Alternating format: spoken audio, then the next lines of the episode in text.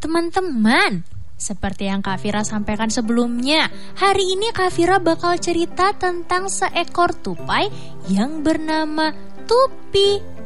Nah, Tupi ini teman-teman adalah seekor tupai kecil yang tinggal bersama ibunya di sebuah rumah di pinggir hutan. Pagi itu, matahari terbit dengan cerah. Tandanya hari sudah pagi.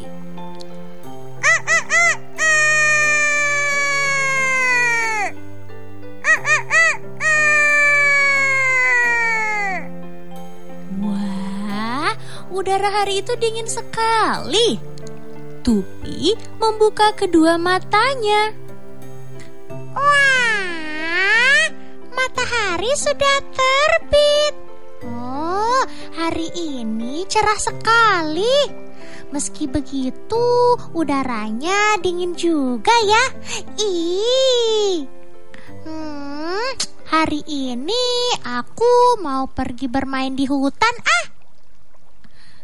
Tak lama kemudian, Tupi mendengar ibunya memanggil dari luar kamarnya. Tupi, ayo bangun. Hari sudah pagi. Waktunya untuk pergi ke sekolah. Ah, ke sekolah? Aku tidak mau ke sekolah, Ibu. Waduh, memangnya ada apa, Tupi? Eh, di sekolah itu kita cuma diajar membaca, menulis, menghitung, membaca lagi, menulis lagi. Aku itu bosan, Ibu. Waduh, teman-teman. Ternyata Tupi malas ke sekolah. Karena katanya di sekolah hanya belajar membaca, menulis, dan menghitung. Ih, teman-teman, kira-kira perbuatan Tupi ini benar atau salah ya? Akhirnya, karena Tupi tidak mau pergi ke sekolah, ia lalu berencana untuk bermain di hutan bersama teman-temannya yang lain. Ah, ya sudah, kalau begitu aku berangkat ke hutan saja. Satu, dua, tiga. Uh, uh, uh, uh, uh, uh.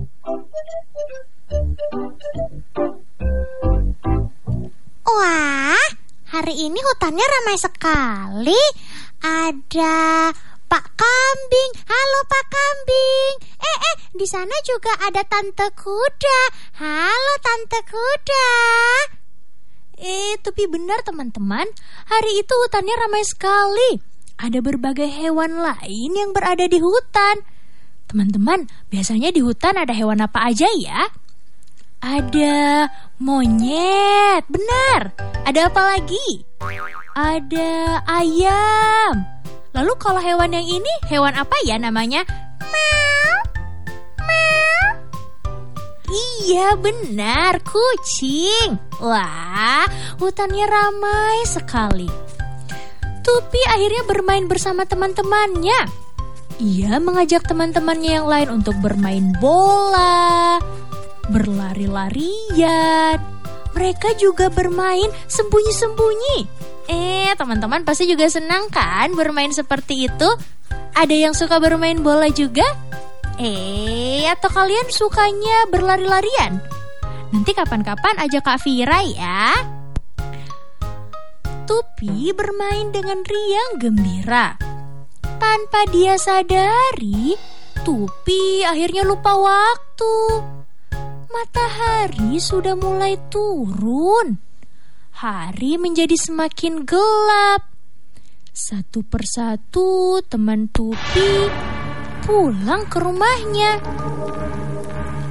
Tupi menyadari bahwa kini ia sendiri. Teman yang lain sudah pulang. Tupi melihat ke sekelilingnya dan ternyata sudah tidak ada teman-temannya yang lain. Tupi bingung, ia berada di mana ya sekarang? Aduh, aku, aku ada di mana ya? Eh, tadi sepertinya aku jalan dari sini. Eh, tapi bukan juga. Aduh, gimana ini? Aku tersesat. Aduh. Teman-teman, ternyata Tupi tersesat. Aduh, gimana dong ini? Kira-kira Tupi bisa pulang gak ya? Tupi lalu berteriak minta tolong. Tolong.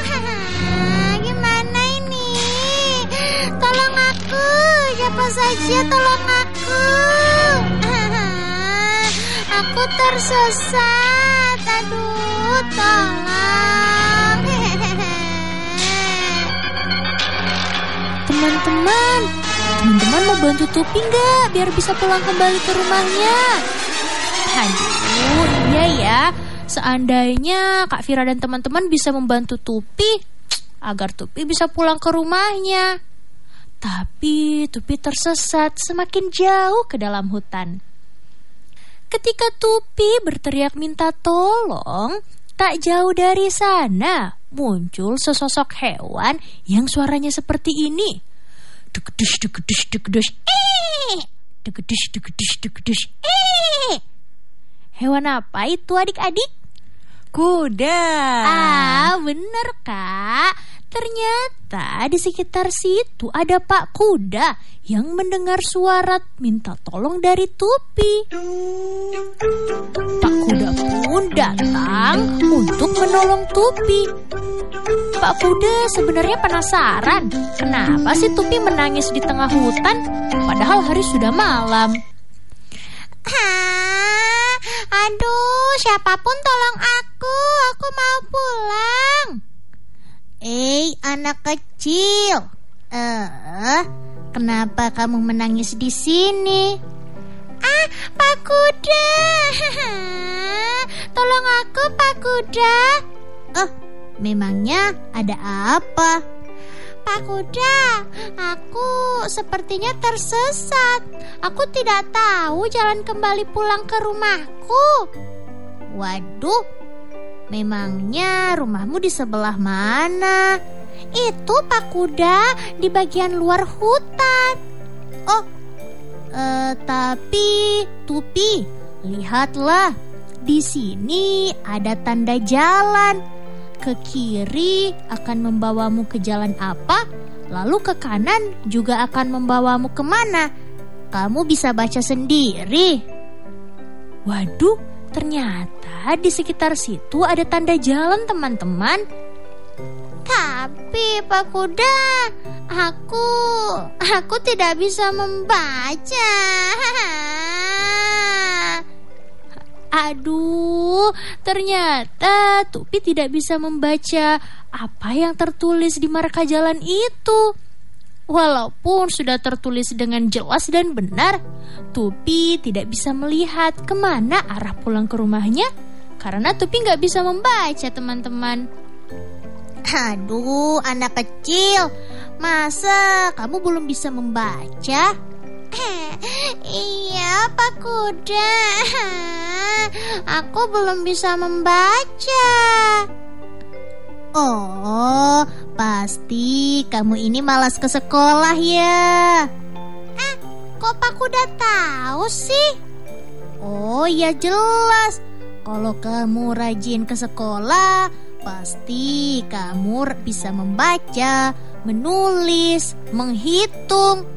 Eh, kamu ini Maaf Pak Kuda, aku memang aku memang malas ke sekolah. Di sekolah itu kan membosankan Pak Kuda. Eh, tapi kalau kamu rajin ke sekolah, nanti kamu akan rajin membaca, bisa menulis dengan baik, bisa menghitung dengan benar. Kamu akan jadi anak yang pintar, Tupi. Ah, ya sudah Pak Kuda. Ah, kalau begitu mulai besok aku akan rajin ke sekolah. Wah, gitu dong Tupi. Nah, sini Pak Kuda antarkan pulang ke rumah. Tapi kamu harus berjanji agar mulai besok kamu harus rajin ke sekolah ya. Iya, Pak Kuda, aku berjanji. Wah, akhirnya Pak Kuda mengantarkan Tupi pulang kembali ke rumahnya.